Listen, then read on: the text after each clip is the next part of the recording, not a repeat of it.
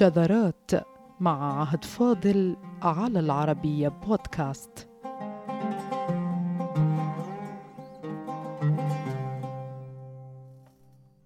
لا يتوقف احتجاج المحتجين كلما رأوا اقتباسا بالعامية عن الاعتراض على عاميته. وعندما تنشر وسائل الإعلام خبرا يتضمن اقتباسا بالعامية كما ورد على لسان قائله يخرج من يقول بضرورة التصويب وتحويل العامي إلى نحوي من خلال تفصيح الكلام بعملية إبدال يتغير معها اللسان العامي ليكون لسانا نحويا. فهل تقر العربية ذلك؟ وهل تتأثر الدلالة عندما ينتقل الكلام من صيغته العامية إلى صيغته النحوية؟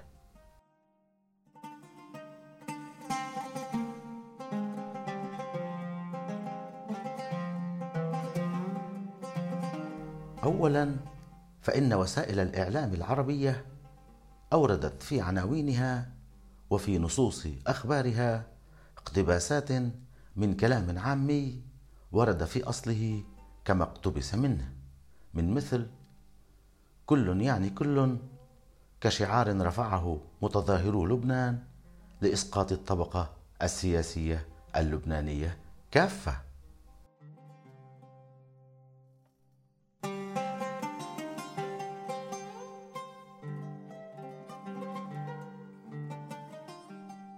وثانيا من مثل. وحسام حبيب اللي حلق لي شعري في أخبار مصر التي تناقلتها الصحافة العربية عن المطربة المشهورة شيرين وزوجها مقتبسة الكلام العامي كما هو وغيرها من اقتباسات ترد في جملة نحوية أو تكون عامية من أولها إلى آخرها. فهل كان من الأفضل مثلا ولسلامة النحو أن يقال حسام حبيب هو الذي حلق شعري أو في الشعار اللبناني المعارض الشهير كل يعني كل أن نقول كلهم كلهم وما الذي سيختفي ويضيع لو انتقلت تلك العامية ببساطتها وإيقاعها إلى الفصحى؟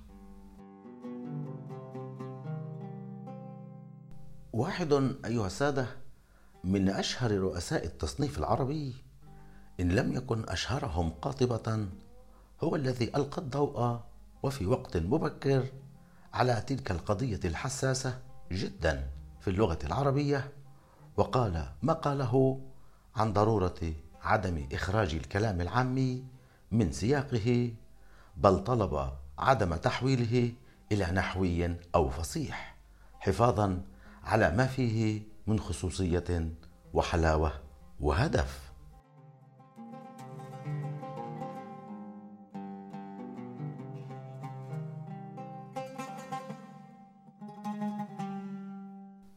فمن يصدق اعزائنا أنه ومنذ أوائل القرن الثالث للهجرة وقد يكون في أواخر القرن الثاني أن هناك ثمة من قال بضرورة اقتباس عاميات كما هي وعدم تغيير بنائها للعفو على ما فيه من لحن أي أخطاء في اللغة. كما يشار إلى أن ثمة من طبق هذه القاعدة بعد قرون وفي عصر الأندلس فألف كتابا عظيما عن أمثلة أهل الأندلس كما وردت في صيغتها العامية دون أن يدخل فيها الإعراب أو الفصحى فنقرأها كما لو أنها مقتبسة من ألسنة الناس في الطرقات الآن أو كما تقال في عمل درامي عربي على التلفاز يعتمد اللهجة العامية في تخاطب أبطاله.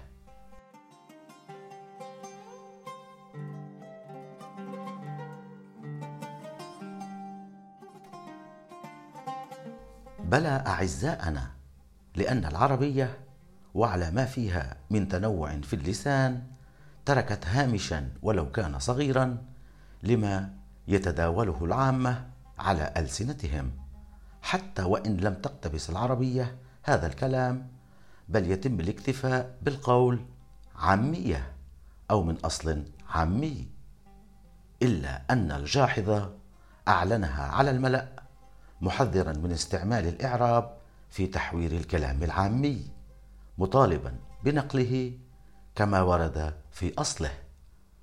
وهذه هي الأسباب التي دفعته للمجاهرة بهذا الرأي الثوري.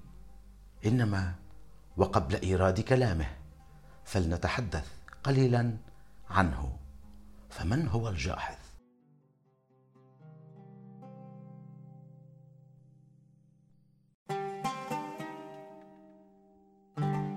الجاحظ هو عمرو بن بحر ويكنى بأبي عثمان. ولد وتوفي ما بين منتصف القرن الثاني للهجرة وسنة ستين من القرن الثالث. في محيط اجتماعي وأسري طاله الفقر المدقع وصعوبة الحياة كطبقة اجتماعية عامية بكل معنى الكلمة. نشأ فيها هذا الكاتب الكبير يتيما بين يدي أمه مما ضاعف الأعباء الملقاة على كاهله وكاهلها فعمل العمل الشاق وباع السمك والخبز في شوارع البصرة العراقية.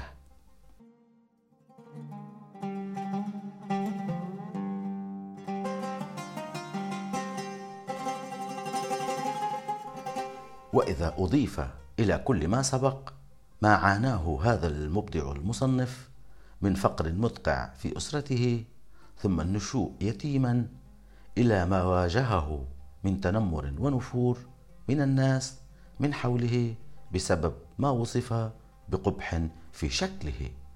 فإن تجربة الجاحظ تكاد تتألق على غيرها من قصص كتاب العربية فهو القادم من هذا القعر السحيق في مواجهة الواقع. والحياة بأصعب تفاصيله وأكثرها تعذيبا. وعلى الرغم من هذا كله تعلم العربية كتابة وقواعد ونحوا وترك مؤلفات تعد الآن من أعظم آثار التصنيف العربي في بابها مع كل ما تعرض له هذا الرجل من طعن متواصل لأسباب تتعلق بالاعتزال حينا أو بالحسد أحيانا. فقد سبق الجاحظ الجميع بكتبه كالبيان والتبيين والحيوان والبخلاء ورسائله ومؤلفاته التي صارت بالعشرات وعاش نحوا من قرن كامل.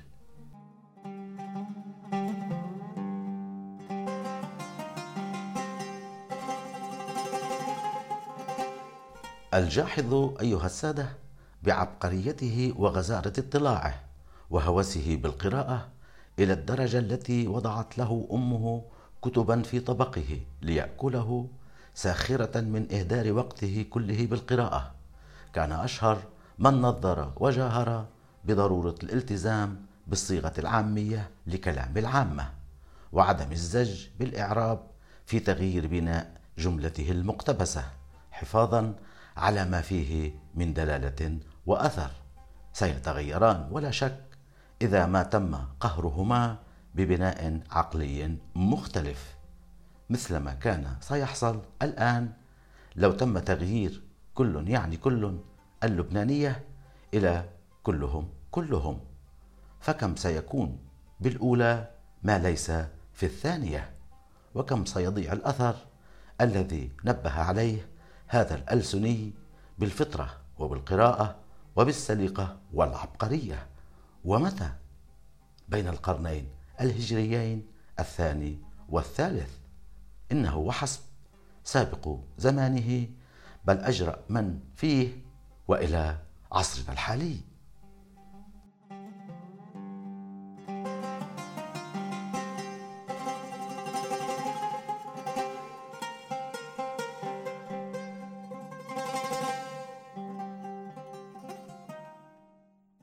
الجاحظ بذلك هو منظر الصحافة العربية ووسائل الإعلام الحالية والتي تقتبس الجملة الفاعلة البارزة العامية وتضعها كما هي. فماذا قال؟ وبماذا برر؟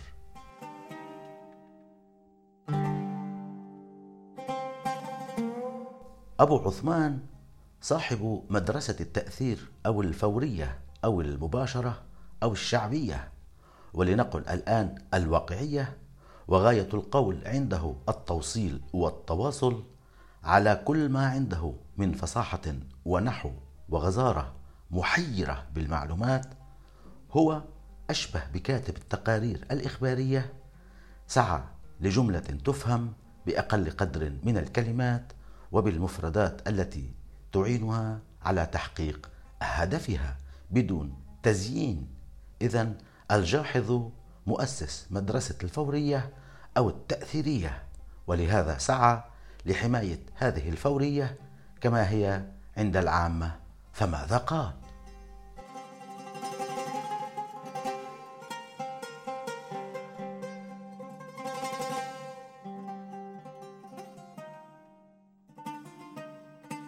قال الجاحظ إذا سمعت بنادرة من نوادر العوام وملحة من ملح الحشوة والطغام فإياك وأن تستعمل فيها الإعراب. لاحظوا أيها السادة لهذا الإنذار. يقول إياك قاطعا منذرا ويكمل فإياك وأن تستعمل فيها الإعراب أو تتخير لها لفظا حسنا أي أن الكاتب العربي يحذر حتى من إبدال مفردة بمفردة حتى لو كانت المفردة المختارة حسنة. فيحذر من هذا العبث بالأصل العامي للمقتبس ثم يكمل موضحا أسباب ضرورة الحفاظ على الأصل العامي للكلام المقتبس فيقول فإن ذلك يفسد الإمتاع بها ويخرجها من صورتها ومن الذي أريدت له ويذهب استطابتهم لها واستملاحهم إياها. انتهى كلام الجاحظ في البيان والتبيين.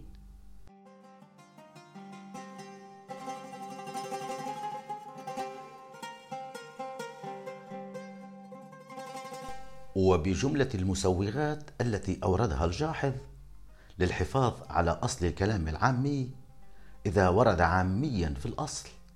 سنجد أولا التفاعل مع الكلام العامي ما عبر عنه بالإمتاع والاستطابة والاستملاح. ثم سنجد المحتوى الدلالي من الكلام العامي الذي وصفه بقوله بالذي أريدت له أي أن تفصيح الكلام المقتبس سيغير من هوية المعنى وبذلك يتغير القصد فسيكون الاقتباس والحالة هذه جريمة دلالية كاملة فوجب عدم استعمال الإعراب فيها أو حتى إبدال مفردة بأخرى حتى لو كان هذا البديل أجمل.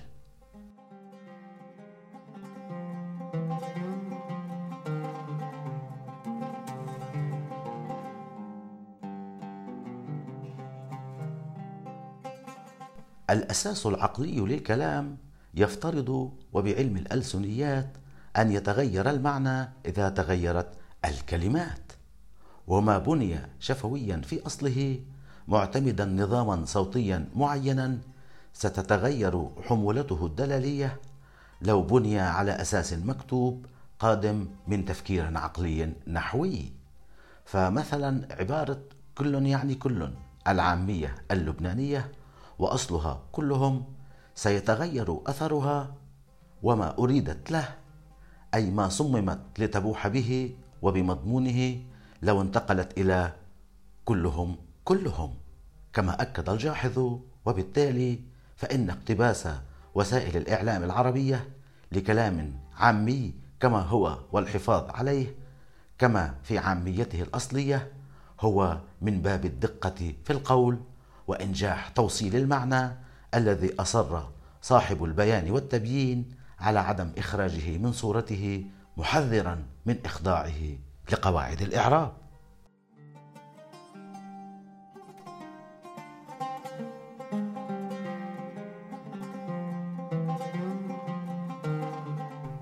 وفي الجهة المقابلة حذر الجاحظ من إخراج كلام الأعراب من الإعراب مطالبا بالحفاظ عليه فصيحا نقيا نحويا كما ورد على لسان أهله أيها السادة.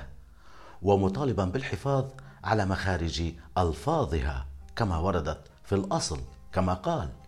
ذلك أن هذا الألسني القديم انتبه بعلمه الواسع إلى أن المعنى والأثر سيتغيران إذا تغير البناء سواء من العامي إلى النحوي أو العكس من النحوي إلى العامي.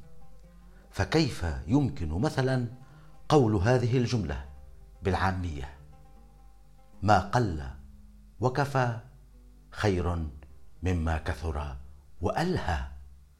فهنا أيها السادة جوهر الفصاحة وإحدى أعلى قمم اللسان العربي.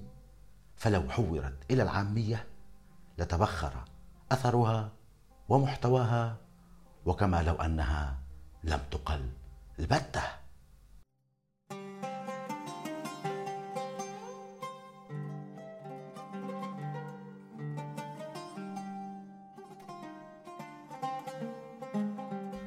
فالأثر الصوتي حاسم في عربية العربية. حتى إن بعض أشهر أشعار العرب تخسر كل محتواها بدون بنائها اللفظي.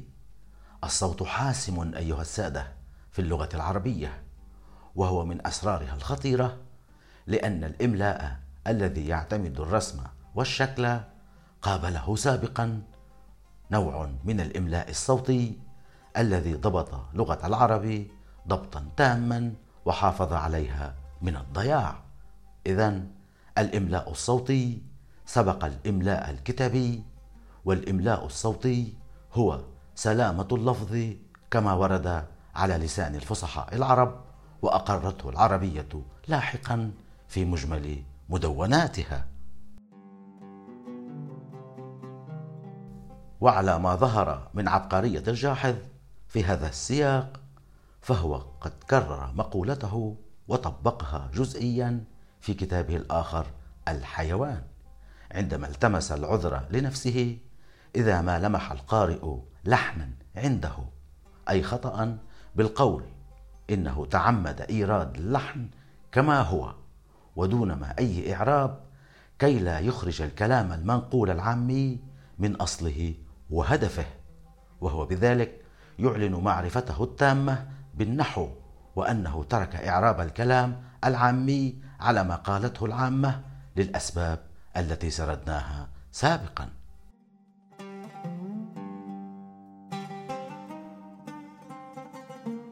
والسؤال هنا بعدما استعرضنا لكم أعزائنا كلام الجاحظ عن ضرورة التقيد بنقل نوادر العامة كما هي دون إشراك للإعراب بل دون تغيير بالمفردات حتى لو كانت الجديدة أجمل.